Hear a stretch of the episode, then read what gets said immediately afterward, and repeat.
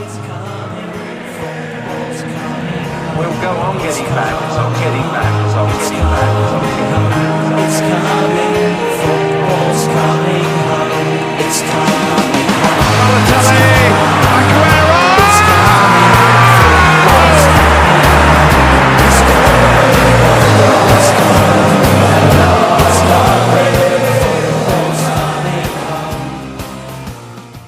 Weken afwezigheid door eh, stomme excuses, reisjes en andere zomerfestiviteiten zijn Fabian en ik weer terug. En ja, wat hebben we een mooi, wat hebben we een mooi slot meegemaakt. Echt eentje om van te smullen. En eh, ja, we gaan lekker het seizoen afsluiten. En dat eh, doe ik Loos Klein niet alleen, dat doe ik namelijk met Fabian. Hele goede morgen, middag of avond allemaal. Ja, het eh, voelt raar dat het seizoen al voorbij is. Maar eh, zoals je al zei, eh, het is een tijdje geleden geweest dat we de ja, vorige afleveringen hadden opgenomen. En wat je zei, reisjes meegemaakt. Ik ben met een nieuwe baan begonnen, waarbij ik dan ook naar het buitenland heb moeten, mo- moeten reizen. Dus dat ik ook een tijdje afwezig was. En mijn nieuwe baan is in de mooie hoofdstad van Nederland, in Amsterdam. Dus binnenkort ga ik de overstap maken daar naartoe. En ga ik het mooie Rotterdam na 15 jaar verlaten. Maar dat staat natuurlijk niet in het teken van Podcast Road. Want wat wel in het teken staat is ja, de kampioen van Engeland. En eigenlijk voor de vierde keer in de afgelopen vijf jaar de kampioen van Engeland, Manchester City. En ja, om, om, om het even af te trappen. Wat vond jij eh, in eerste instantie toen je de wedstrijd keek? Aan welke andere wedstrijd moest je denken? Ja, als je aan de wedstrijd denkt die hieraan eh, ja, vergelijkbaar is, is natuurlijk de eerste kampioenschap in lange tijd van City. En dat was eh, QPR met Aguero! Wat ook onze, ja, onze intro, in onze intro-tune zit.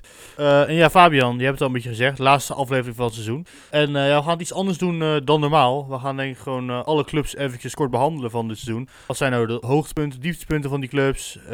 dingen die we verwachten van volgend seizoen. Dus ja, we gaan gewoon lekker een iets langere podcast. Ik weet niet of het langer gaat worden. We gaan gewoon een podcast op een andere manier doen. En eh, iedere club eh, wordt gewoon even lekker kort behandeld. Dus eh, ja, we gaan beginnen, beginnen met Manchester City. Ja, een heel goed seizoen gedraaid in de Premier League. Maar in ja, Europa waren ze natuurlijk op mikken minder. Wat vond jij van het seizoen van City? Ik vond het een beetje Ctrl-C, Ctrl-V, vergeleken met de afgelopen seizoenen. Ja, het lijkt alsof Guardiola dan een soort van formule heeft gevonden waarbij hij gewoon consistentie erin houdt. En hij heeft het eigenlijk alleen zwaar gekregen tegen Spurs in twee wedstrijden. Tegen de Spurs van Nuno en tegen de Spurs van Conte. En eh, ja, eigenlijk eh, denk ik dat het moeilijk gaat zijn om, eh, om, om dit ja, format, de formule dat hij heeft opgesteld, om dat te verbreken. Want Liverpool hebben in de afgelopen drie van de afgelopen vier seizoenen hebben ze maar drie wedstrijden verloren. Gezamenlijk. Dat is toch, toch bizar voor woorden. En dat ze dan gewoon geen kampioen worden. Is, ja, dat, is toch heel, heel bizar om een heel bizar statistiek. Overigens zijn het vier, niet drie, wat ik zeg. Maar ja, als het zelfs met zo'n consistentie, zo'n consistent niveau van excellentie niet lukt, dan vraag ik me echt af wat, ja, wat er gaat gebeuren om dat om, om te keren. Want ja, nu met de nieuwe aankopen die ze hebben gedaan, Haaland, eh Julian Alvarez, eh, natuurlijk is Fernandinho weggegaan. Maar ja, het lijkt niet alsof, eh, ja, alsof er iets is dat ze kan stoppen. En eh, dat hebben we dit seizoen weer gezien. Dus eh, ja, ik, vraag, ik ben echt benieuwd naar volgend seizoen. Maar eh, ja, business as usual zou ik zeggen. Ik ga een hot take gooien. Eh, ik heb er lang over nagedacht. Ik eh, heb gefilosofeerd en ik zeg, ga zeggen, Ering eh, Haaland gaat falen bij City. En ik heb daar een hele mooie theorie voor. Pep Guardiola heeft een systeem ontwikkeld waar hij een hekel heeft aan een traditionele nummer 9. En Haaland is een traditionele nummer 9. En dan zeg je, ja, maar het is een wereldspits. Maar Eto'o was een wereldspits toen hij naar Barcelona ging. Zlatan Ibrahimovic was een wereldspits toen hij naar Barcelona ging. Allemaal spelers die onder het konto stonden van Pep Guardiola en onder, onder zijn systeem niet geslaagd zijn. En Gabriel Jesus gaat volgens mij weg. Sterling stond ook in interesse van Arsenal volgens mij, als ik het goed had. Of in, Real Madrid en Jesus oh, eh, Jesus in de Arsenal en Real Madrid eh, Sterling. Dus er gaat wel een verandering komen in de hiërarchie. En hoewel ze gewoon nog steeds geweldige spelers hebben, gaat dat wel gewoon impact hebben op eh, de resultaten, denk ik. Nou ja, het is eh, natuurlijk een eh, interessante theorie. En Haaland is een wereldspeler. Maar ik, ik denk wat ook een beetje wat aan zijn spel mankeert... is dat hij niet zo heel goed is in het ja, betrekken van andere spelers en het spel. Dat is een element die, die je bijvoorbeeld heel erg terugziet in het spel van Harry Kane. Komen we natuurlijk later op terug. Maar dat heb je wel nodig. Vooral in het tiki-taka een beetje eh, totaalvoetbal. Eigenlijk zou je het bijna staalvoetbal kunnen noemen wat ze spelen in, van Manchester City. Dat is gewoon zonder spits, ze dan ook gewoon kampioen worden. Ik, ik, denk inderdaad dat het een karwei gaat zijn voor hem om dat eh, op niveau te krijgen. Maar tegelijkertijd denk ik ook wel dat dat misschien een evolutie is van het, eh, van het spel van, eh, van Guardiola. Dus ik denk dat Haaland wel tijd nodig gaat hebben om te integreren. Maar dat, ja, dat hij dan daar wel uiteindelijk zal slagen. En ik denk inderdaad een Eto'o, die moest natuurlijk op linksbuiten, rechtsbuiten spelen. Omdat Messi toen al in die false nine positie speelde. Maar bij Bayern probeerde, ehm, probeerde Guardiola dat ook met Gutsen. Op die false nine positie. Dat liep voor geen meter. Toen haalden ze Lewandowski. En toen eh, ja, speelde hij zo goed dat hij zelfs één keer vijf doelpunten binnen 22 minuten maakte. Dus dat is natuurlijk de keerzijde. Je kan een topspits hebben ehm, ja, die dan al plug-and-play in het elftal mee kan draaien. Maar je kan ook eentje hebben die dan bepaalde gebrekken heeft. En die je nog dingen moet leren. En dat kan natuurlijk wel impact hebben op, op hoe effectief hij speelt. Uh, dus ik denk dat Haaland, als hij dan snel op gang komt, of misschien ja, na een paar maanden, dat, dat het al zo gaat zijn dat zij dan meedoen om de titel. Ja, we gaan het uh, zeker zien. Um, ja, ik, ben, ik ben benieuwd of mijn theorie gaat uitkomen. Maar ik zou ook dat Chelsea kampioen zou worden dit seizoen. Dus uh, daar, heb ik het ook, uh, daar heb ik het ook helemaal fout. Um, ja, dan gaan we denk ik naar de wedstrijd. Ja, gewoon de laatste speelronde even doen. Ik heb hem voor het eerst mijn vader zover gekregen om Engels voetbal te kijken. Aangezien hij zelf niet heel erg ja, voetbalfan is. In de zin van hij kijkt wel Nederlands elftal, Feyenoord, maar nooit Engels voetbal. En ik heb met hem samen echt staan, staan bij de laatste speelronde. Ja, natuurlijk Liverpool Wolves en uh, ja, City ja, tegen, tegen Aston Villa. Natuurlijk het hele bijzondere was natuurlijk dat Steven Gerrard daar trainer was. Maar toen het 2-0 stond voor, voor Aston Villa, dacht jij nog dat het zou dat City thuis zou omkeren? Nou, ik moet zeggen, ik geloofde er altijd in. Uh, maar ja, natuurlijk was het alleen maar zo, denk ik, omdat zij dat wel eens eerder hadden gedaan. Dat ze ook achter stonden. Volgens mij was het maar 2-1 tegen Queen's Park Rangers. En dat ze in de blessuretijd twee, twee keer scoorden, waardoor ze kampioen werden. Dus ik dacht van, don't count them out. City hebben natuurlijk bewezen dat ze in een korte tijd heel vaak kunnen scoren. Dus zodra die 1-2 werd gemaakt, of 2-1 van, ja, 1-2 van uh, Gundogan, toen dacht ik al van, dat gaat gebeuren. Maar daarvoor heb ik wel even, ja, heb, heb ik wel even, ja, gedacht dat het misschien zo zou, zijn dat Liverpool toch in een slotminuten in die wedstrijd dan om zou keren. En dat ze dan met de kampioenschap daar vandoor zouden gaan. Maar om even dan door te gaan met Liverpool. Heel sterk gedraaid in alle competities. En helaas geen quadruple. Doordat ze op de laatste speeldag dan pech hadden dat City dan toch wisten om te draaien. Maar ik denk dat Klopp ook heel trots kan zijn op zijn mannen. Dus ja, wat was eigenlijk jouw... ja, had je eigenlijk wel een voorkeur tussen City en Liverpool op de laatste dag? Nou, ik was wel voorkeur voor Liverpool, dat moet ik eerlijk toegeven. Uh, ik had wel het idee van als Liverpool sneller gewoon voor had gestaan, met die, en het stond uh, 0-2, dan was wel meer druk gekomen op City-spelers. Want ik had wel het gevoel dat al die spelers al door hadden dat op het veld merk je wel dat de spelers door hadden als er werd gescoord bij het andere team. En ik denk als uh, City hoorde dat Liverpool voor stond en ze echt gewoon kampioen virtueel waren, dat was natuurlijk heel de speelronde niet, dan was er denk ik wel wat meer spanning, had, had er weer spanning gestaan bij de spelers van City. En was het misschien wel om gaan draaien. Ja, maar natuurlijk helpt het ook wel dat ze een speler als Gundogan, die dan inviel en twee keer scoorde, dat ze die op de bank hebben zitten. Ik bedoel, voor heel veel clubs, zelfs voor Liverpool, zou dat ondenkbaar zijn. Maar als je zoveel kwaliteit op je bank hebt zitten en als je die zo in het veld kan brengen op cruciale momenten, dan heb je altijd wel een voordeel. En daardoor hebben ze er optimaal van geprofiteerd. Maar ja, natuurlijk uh, zouden mensen ook denken van ja, Liverpool speelde de afgelopen uh, twee wedstrijden zonder Virgil van Dijk. Uh, natuurlijk ook tegentreffers geïncasseerd, waardoor ze dus in die situatie terechtkwamen dat ze dan heel lang achter de feiten aanliepen. En eigenlijk nooit voor City stonden qua kampioenschapstijd. Dus uh, ja, ik, ik denk dat dat misschien ook wel een beetje een risico is bij, bij Liverpool. En dat misschien ook doorslaggevend was. Dat als er iemand wegvalt bij hun, een sterke speler, dan hebben ze niet zo gauw zoals bij City. Dan een kwalitatief sterke speler die dat kan ja, zo'n gat kan opvullen. En dat heeft zij uiteindelijk wel de nek om gedaan. Ondanks de hele goede resultaten, echt uitstekende resultaten en consistentie die ze, die ze hadden, uh, blijkt het dan alsmaar weer doorslaggevend te zijn. En dan kan ik ook wel zeggen dat Liverpool niet de enige zijn die hieronder hebben geleden. Want ik denk dat we dan ook zo meteen door kunnen kijken naar de nummer 3. Ja, Chelsea, weet je, dat is een uh, ja, heel turbulent seizoen hebben die natuurlijk achter de rug gehad. Uh, het begon natuurlijk allemaal gewoon um, heel, heel rooskleurig het seizoen. Ik ga het even heel kort, het heel kort bespreken. Het seizoen begon, natuurlijk heel rooskleurig met gewoon Champions League titel die onverwachts was gewonnen onder Tuchel. En uh, ja, ik dacht met de gerichte aankopen die ze hadden dat het wel echt een titelcontender was. Maar ja, uiteindelijk bleek ja, natuurlijk de Russische inval ook heel veel impact te hebben gehad op Chelsea. Met de Abramovic voormalig nog wel, volgens mij semi-voormalig, ja, eigenaar van de club. En um, ja, heel veel spelers die flopten, kan je zeggen. Ja, ik vond echt wel Lukaku floppen dit seizoen onder, onder Chelsea. Dus hij wil dat topscorer Je zei dat hij topscorer zou worden, weet ik nog, voor het seizoen. Ja, ik zei dat hij topscorer zou worden. Ik had echt inderdaad, na zijn Inter-seizoen, dacht ik echt van, nou, die gaat het wel eh, echt flikken bij eh, Chelsea. Heeft wat te bewijzen. Helaas eh, viel dat erg tegen. Ook blessures gehad natuurlijk. En wel opvallend, Timo Werner, die een hele goede, goede verdienstelijk speelde, vond ik. Maar ik vond heel veel spelers, echt het laatste seizoen zelf, heel veel verdedigend vond ik het heel zwak staan bij Chelsea, de laatste seizoen zelf. nou, ik, ik denk zelf dat, ja, dat er ook met blessures te maken had. Dus ik zei het net al bij Liverpool. Kwalitatief sterke spelers, als er blessures zijn, dat ze die kunnen opvangen. Ik denk dat het goed ging met Chelsea tot het moment dat Ben Chilwell en Reece James eh, voor lange tijd geblesseerd raakten. Nou, Chilwell was zelfs zo geblesseerd dat hij sinds, ik geloof, eh, januari of december niet meer in actie is gekomen. Reece James lag er voor maandenlang uit. En ja, dan heb je dan spelers die eh, ja, die dat kunnen opvangen. Wie, wie heb je? Je hebt dan Aspelugeta. Die speelt eigenlijk onder Tuchel, of speelde onder Tuchel meer centraal achterin. Dus Hij is ook niet zo... Hij, kan op veel posities spelen, maar op de wingback-positie komt hij niet echt in zijn kracht. En dan heb je op links alleen, ja, Marcos Alonso. Maar voor de rest, ja, was er niemand bij Chelsea die daar kon spelen. Dus hebben ze geprobeerd Emerson terug te halen. Lyon weigerde dat om te doen. Dus hebben ze Kennedy, een Braziliaan die jarenlang niet voor Chelsea speelde en bijna vergeten was, die hebben ze teruggehaald. En nauwelijks minuten gegeven. En ja, ik bedoel, als je het van zulke spelers moet hebben, in zo'n eh, noodsituatie, ja, dat, eh,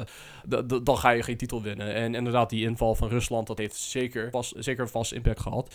En eh, natuurlijk ook eh, ja, die dramatische prestatie tegen Real Madrid in de Champions League, eh hij is op Stamford Bridge. Ja, dat heeft natuurlijk ook heel veel aan de motivatie gedaan en aangetast. En ook die twee verloren bekerfinales tegen Liverpool, na strafschoppen. Dat, al, al met al denk ik dat het heel sterk begon. En inderdaad, vanaf het moment dat ze de Club World Cup, WK voor clubs wonnen, was het echt gewoon bergen afwaarts gegaan. Als een kaartijs in één gestort. Dus wel trouwens nog belangrijk om zeggen, een update over Chelsea, want je noemde net dat Abramovic eh, de club heeft verkocht. Dat is nu officieel geaccordeerd door de Premier League. Dus de, eh, ja, eigenlijk de, um, het geld wat Abramovic op een eh, rekening van de Engelse bank of bij de Centrale Bank van Londen heeft gezet. Dat is nu vrijgekomen en de Amerikaanse eigenaren, waaronder Todd Boehly, die, dan de leiders van het consortium, die hebben nu officieel de papieren getekend en nu, die zijn nu de legitieme eigenaren.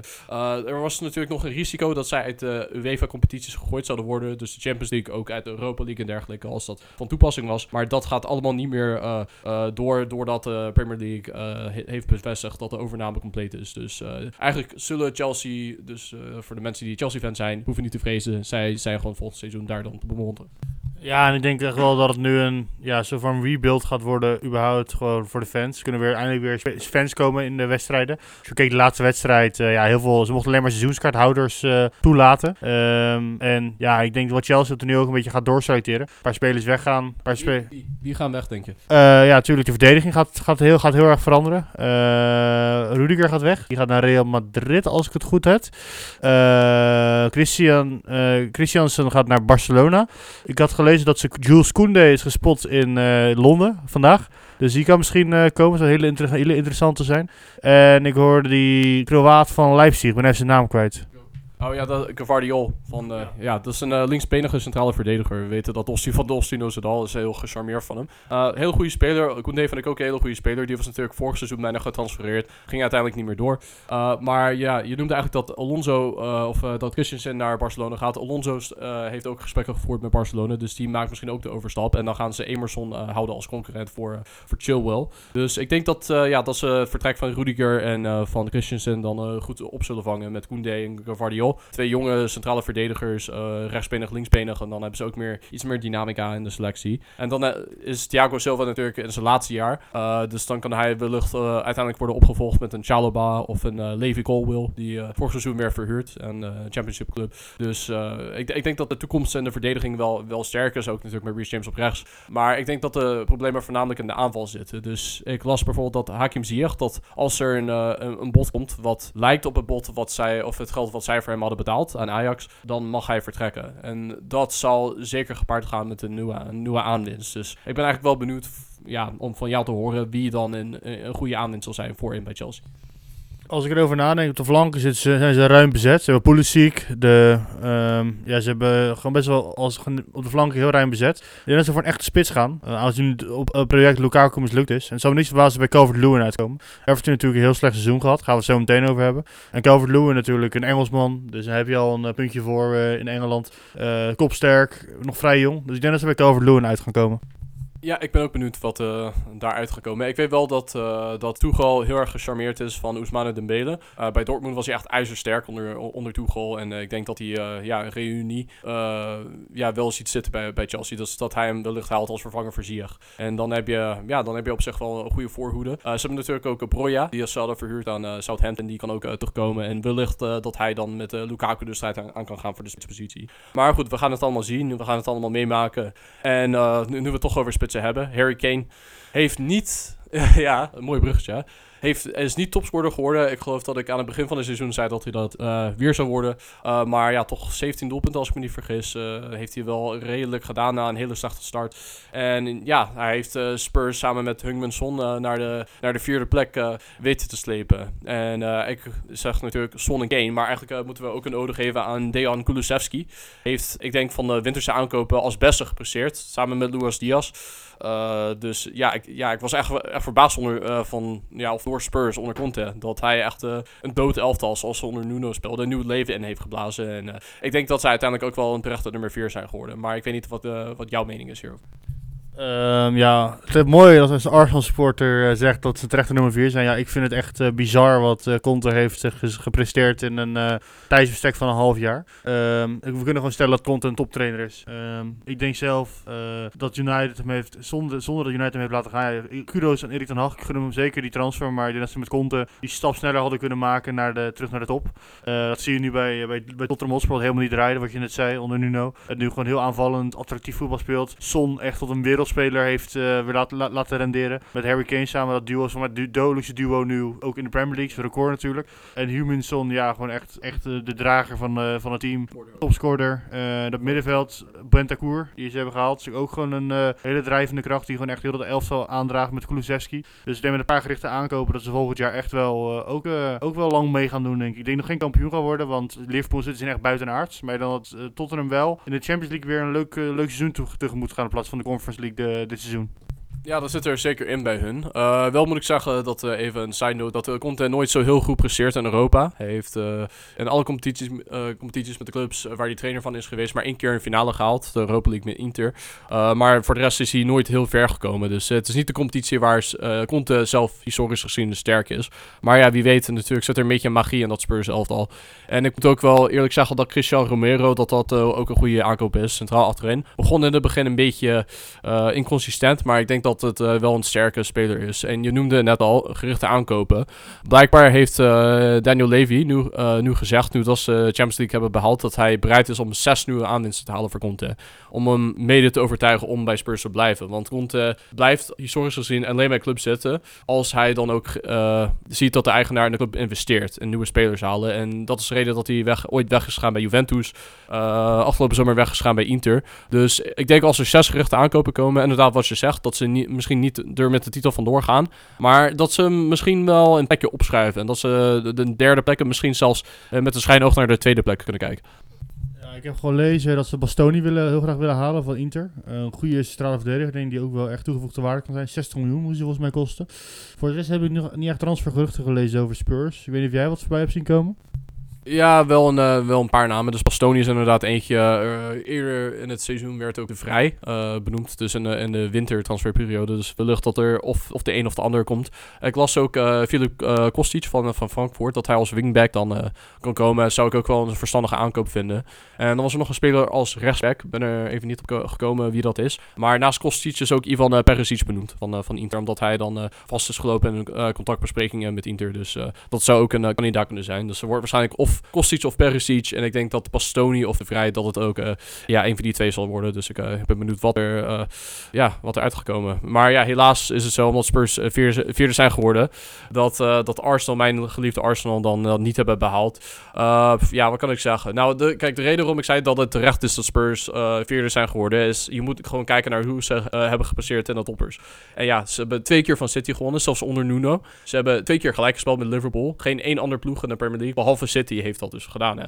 Dus dat is een hele goede eh, prestatie. Met 3-0 gewonnen van Arsenal natuurlijk.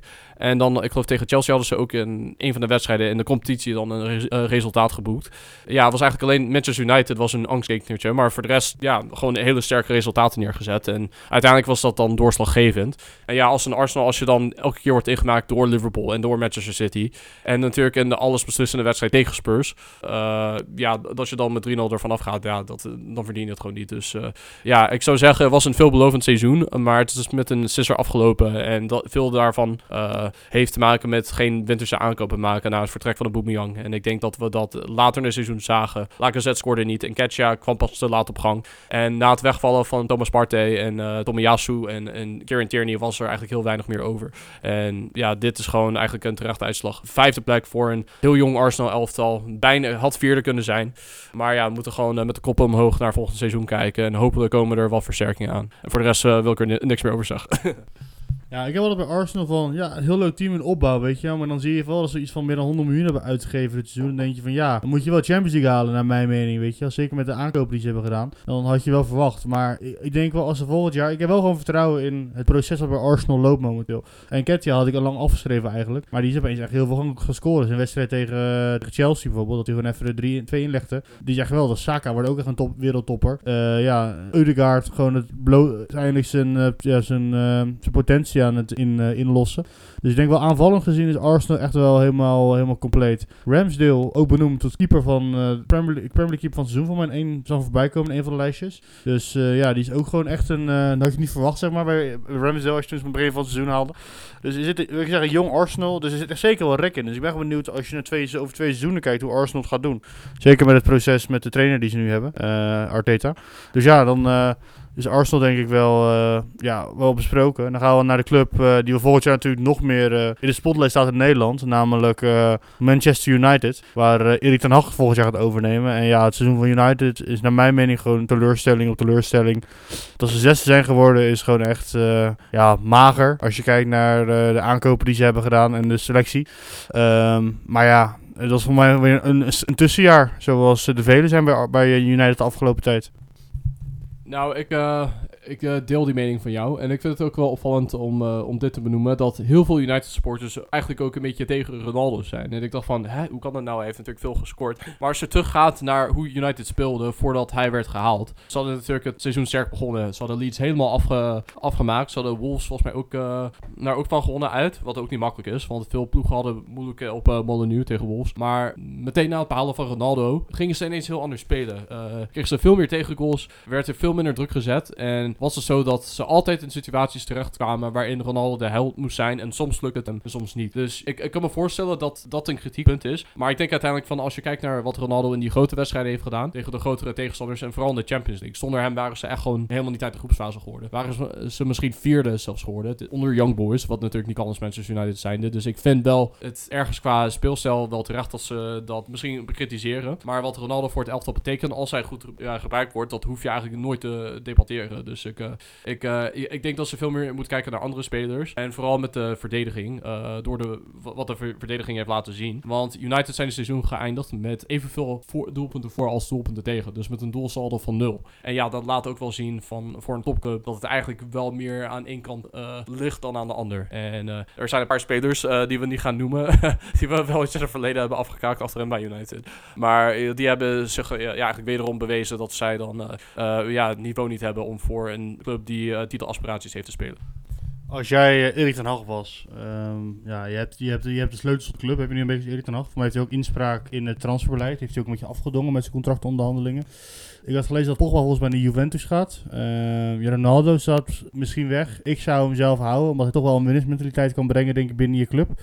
Ehm ja, Wan-Bissaka zou ik een vervanger verzoeken. Eh, zelf, die noem ik even heel snel op. En ik zou gewoon een goede middenvelder halen die als motor kan zijn. Eh, zie Frenkie de Jong. Eh, wat zou jij doen als jij eh, de technische directeur zou zijn van eh, Manchester United of Erik ten Hag in dit geval? Wie zou je aanbevelen? Nou, inderdaad, wat je zei, eh Wan-Bissaka die staat inderdaad op het punt om te vertrekken, maar eh, er zijn natuurlijk meer spelers. Pogba noemde je al, Matic en eh Mate, die hebben het al aangekondigd. Cavani gaat ook weg, dus er zijn heel veel spelers die transfervrij vertrekken. Bailly is volgens mij ook een andere kandidaat. Dean Henderson gaat ook weg, dus ja, het, het is ook een ja, draaiende, hoe, hoe noem je dat? Open deur bij United. Heel veel spelers lopen er doorheen.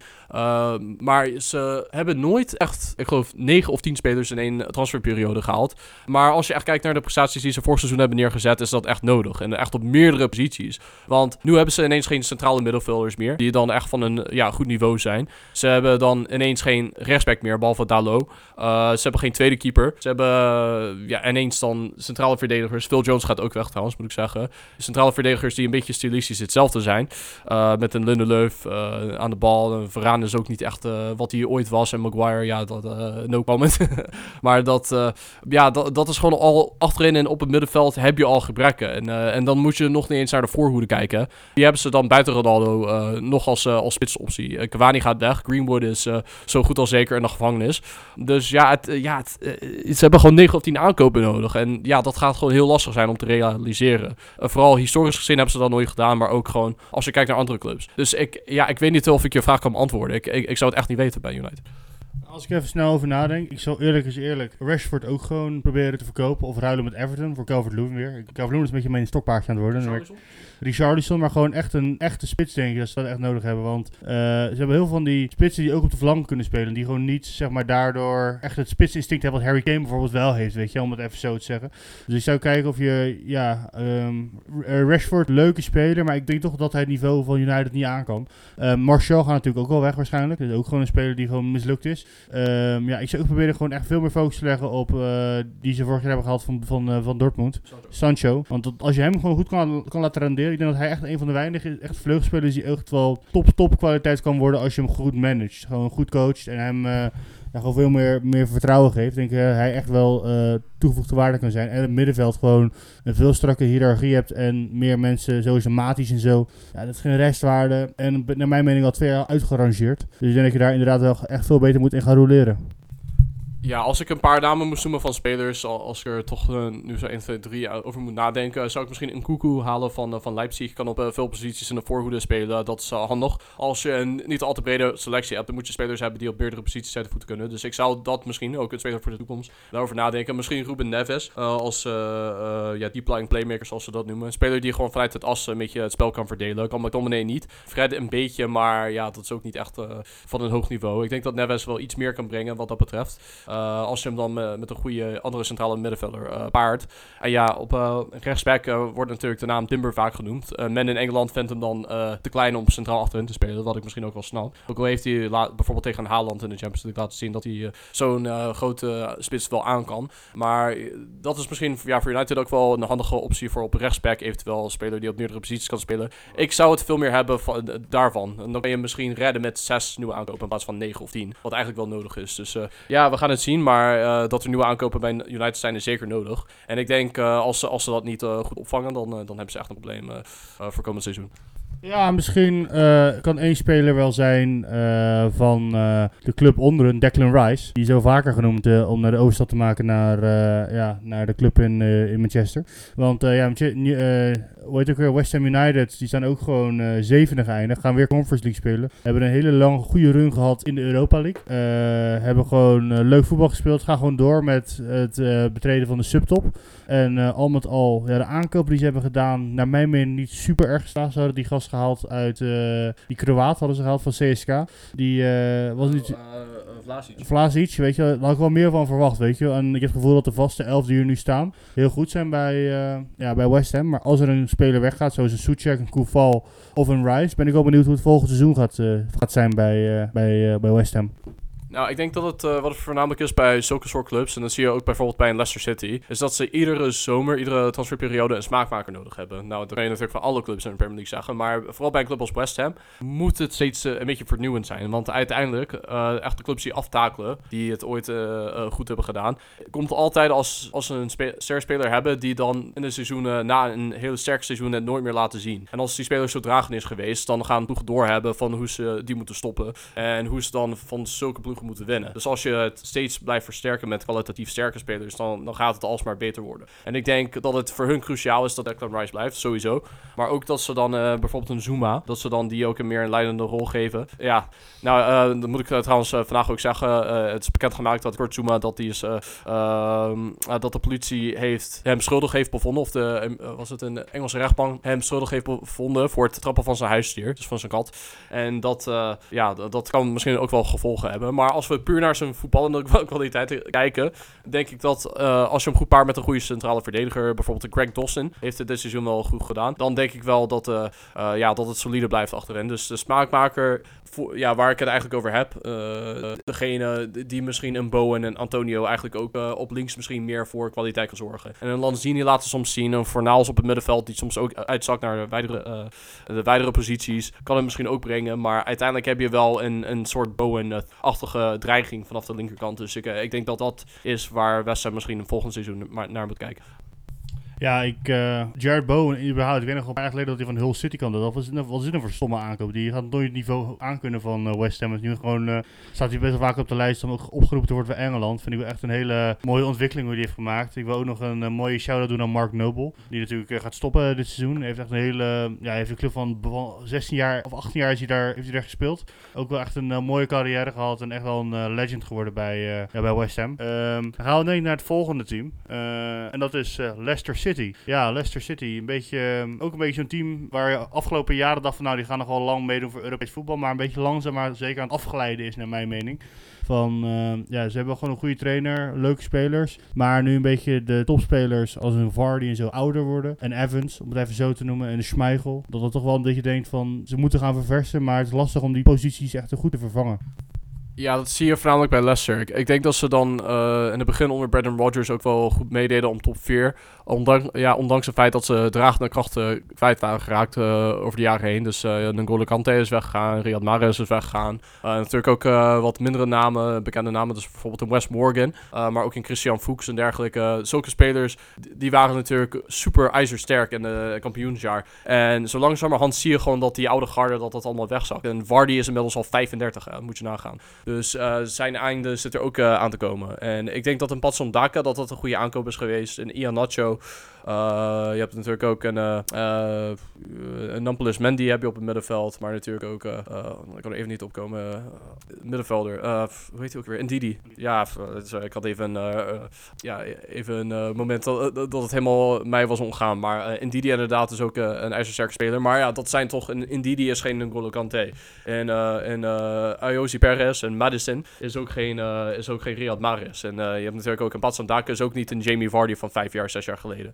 Dus ja, je ziet toch wel dat uh, als deze nieuwe spelers doorgroeien in het elftal, dat het wel goed is en sterk. Maar het is niet de Leicester wat het ooit was. En ik denk dat we dat ook nooit meer gaan terugzien. Het was natuurlijk een sprookjesverhaal dat seizoen. En uh, het feit dat ze vorig seizoen de FA Cup wonnen is al best wel wonderbaarlijk. Ze speelden ook wel leuk in die finale. Dus ik denk dat, uh, ja, dat als Leicester-fan je niet ontevreden kan zijn over waar ze nu staan. Maar ja, uiteindelijk als je toch een, beetje wat van de fantasie terug wil zien, dan denk ik dat je meer naar, ja, naar filmpjes uit die jaren moet kijken. Want ik, ik heb niet het idee dat het nog terug gaat komen, ondanks welke aankopen ze ook doen. Ja, wat je bij Leicester een beetje hebt, ze moeten het vooral van eigen jongens hebben. Bijvoorbeeld een uh, Madison, een Barnes. Zijn, ja, dat wil ik zeggen, die Madison en Barnes hebben afgelopen seizoenen al echt goed doorgebracht. Maar Dewsbury Hall, dit is echt een revelatie. Uh, Jury Tielemans vond ik dit zo'n beetje al tegenvallen. Uh, van de jaren daarna. Ik denk wel dat, dat we gewoon kunnen stellen dat Leicester gewoon zijn top is. Waar ik eerst wel dacht dat, dat, dat er meer potentie in zat, is dat nu helaas niet het geval. Maar ik denk, wat je zegt, volgend jaar gewoon een paar gerichte aankopen misschien. Want ja, de topscorer van het seizoen is weer gewoon Vardy met 15 doelpunten. En worden er steeds minder ieder jaar. En uh, ja, ik ben benieuwd hoe dit volgend jaar gaat zijn. En minder speeltijd. Dus ik denk dat ze daar inderdaad wel een uh, vervanger moeten, moeten voor gaan zoeken. Ja, dat denk ik ook inderdaad. En uh, een naam die vaak wordt genoemd is, uh, noemden we eigenlijk al in de vorige afle aflevering, Joel Peru van Swansea City. Dus uh, dat willen zij, die willen zij misschien aan boord halen als een eventuele uiteindelijke opvolger van Jamie Vardy. Maar dat is misschien een mooi bruggetje naar, ja, na naar ons rubriekje, de data van de, van de maand. En ja, ik dacht, dan kunnen we het even openbreken. Kunnen we dan, hebben we acht ploegen benoemd, maar dan kunnen we even, voordat we doorgaan, een ode geven aan Virgil van Dijk, die in de maand april, die we natuurlijk tot nu toe nog niet benoemd benoemd hebben, eh, kunnen we dan even eh, hem bekronen tot data van de maand april. Maar eh, natuurlijk zijn we al voorbij de laatste speelronde. Dus kunnen we ook een speler voor de maand mei bekronen tot data van de maand. En ja, ja zo'n eer wil ik eigenlijk aan Pascal Strijk geven. Joel Veldman was ook heel goed, scoorde in de laatste wedstrijd. Maar Strijk scoorde een beslissende of een allesbelangrijke gelijkmaker tegen Brighton in de laatste minuut. Waardoor Leeds hoop kreeg om er nog in te blijven. En ik denk dat die motivatie in de laatste wedstrijd van het seizoen doortrok. En dat ze dan ja, toch de eh, overleving over de streep te trekken. Dus om die reden bekroon ik eh, Pascal Strijk tot, ja, tot eh, data van de maand mei. En natuurlijk is het zo dat, omdat het seizoen nu voorbij is, dat we dan alles bij elkaar op moeten tellen. En ik denk dat je al kan raden wie de data van dit seizoen is. Ja, dat is Virgil van Dijk. Gewoon ijzersterk seizoen. Wel de laatste wedstrijd op de bank. Maar eh, inderdaad gewoon, eh, ja, nog steeds wereldtopverdediger. Laat hij weer zien eh, dit seizoen. En ik denk dat, eh, ja, gewoon Virgil van Dijk, eh, ja, de terechte, terechte patten van het jaar is geworden. Eh, best of the rest. Dus eh, hartstikke gefeliciteerd, eh, Virgil. Als hij luistert. En dan gaan we denk ik eh, naar de nummer 9. Dat is eh, de club van Joe Veldman, die je net al noemde. Brighton Hove Albion. En ehm, ja, ik wil echt zeggen, Brighton Hove Albion, geweldig seizoen gedraaid. Leuke aankopen. Die Cucurella. Vind ik echt een leuke speler. Gewoon altijd eh, met, die, met die lange krullen loopt die, op die flank. En dat, eh, dat loopt gewoon lekker bij, eh, bij eh, Brighton. En die, zijn echt ook de stijgende lijn aan het volgen. En gevestigd team aan het worden in eh, de Premier League. Ik denk inderdaad dat als we kunnen hebben over aankopen van het seizoen. We hadden het natuurlijk over januari, Luis Diaz, Bruno Guimaraes. ehm, en natuurlijk over De- Dejan Kulusevski. Maar als we in de zomer naar de zomerse aankopen kijken, denk ik wel dat Cucurella wel top 3 is hoor. En het zelfs dat hij het niet alleen ja, onze ogen goed heeft gedaan, maar Pep Guardiola is ook geïnteresseerd in. Cucurella en dat hij hem als nieuwe linksback van City wil halen. En dat zou ik echt een ijzersterke aankoop vinden. Want ik denk in het systeem van Guardiola gaat hij echt helemaal goed tot zijn recht komen. Dus ik ben benieuwd of die eh, aankoop doorgaat volgend seizoen. Ik vond het al überhaupt gek toen hij bij Barcelona speelde en verhuurd was aan Getafe dat ze hem lieten gaan. Want ik dacht echt van, dit is de perfecte opvolger van Jordi Alba. Maar ja, Barça hebben een eh, discutabele beslissing genomen. En eh, ja, uiteindelijk is de, degene die hiervan profiteert is Brighton, die negen zijn geworden.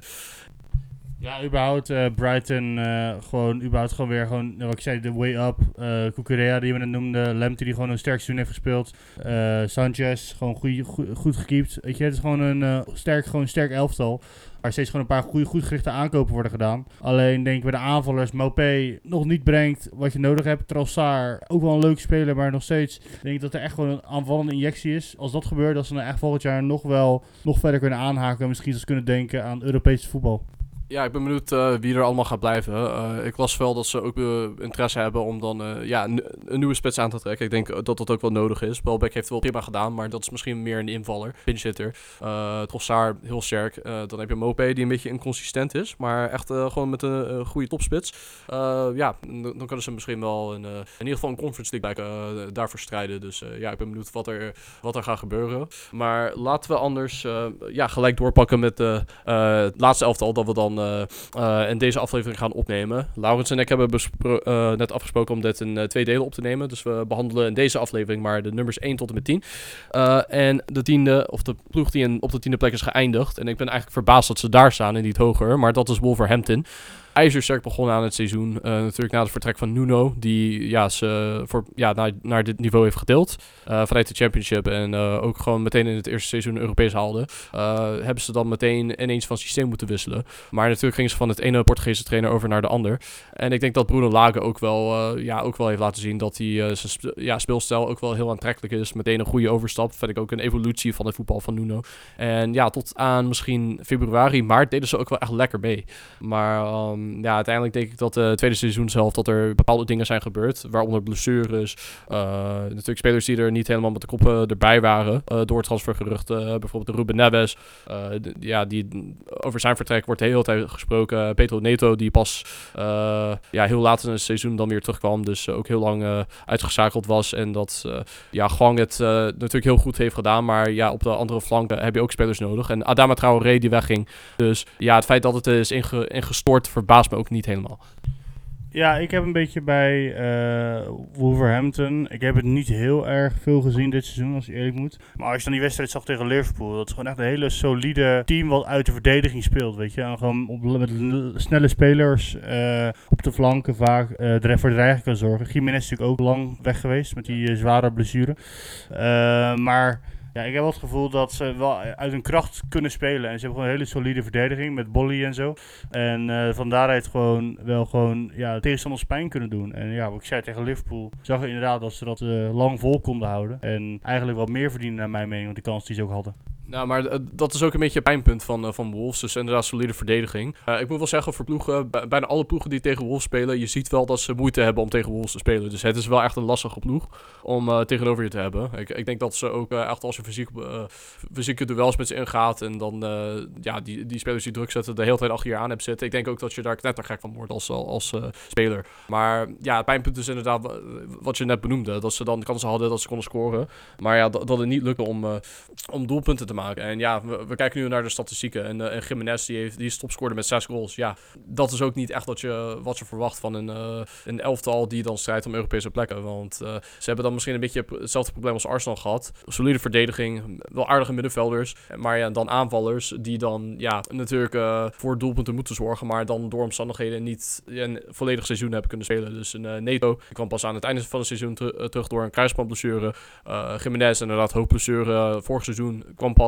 aan het einde van dat seizoen op gang. En dit seizoen heeft hij pas een beetje kunnen draaien. En Adama Traoré, één dat topscoorde met vijf doelpunten, was natuurlijk in januari naar Barcelona gegaan. Dus ja, dan moet je het van een Gwang hebben. Maar die, kan het ook niet iedere wedstrijd laten zien. Trincao is natuurlijk gehuurd van Barcelona. Is ook enorm tegengevallen, naar mijn mening. Dus ja, dit is, eh, ja het is gewoon wat ik zei. Niet kwalitatief sterk genoeg eh, eh, op, de, op de flanken. En, en ja, Jiménez heeft het niveau van voor zijn blessure niet weer behaald. Dus dat, dat zijn de twee dingen, drie dingen die dan tot dit resultaat hebben geleid. Maar nog steeds, Wolves zijn historisch niet een Premier League club, zeg maar, als je naar all-time resultaten kijkt. Dus het feit dat ze tiende staan in de Premier League is nog niet eens zo heel slecht.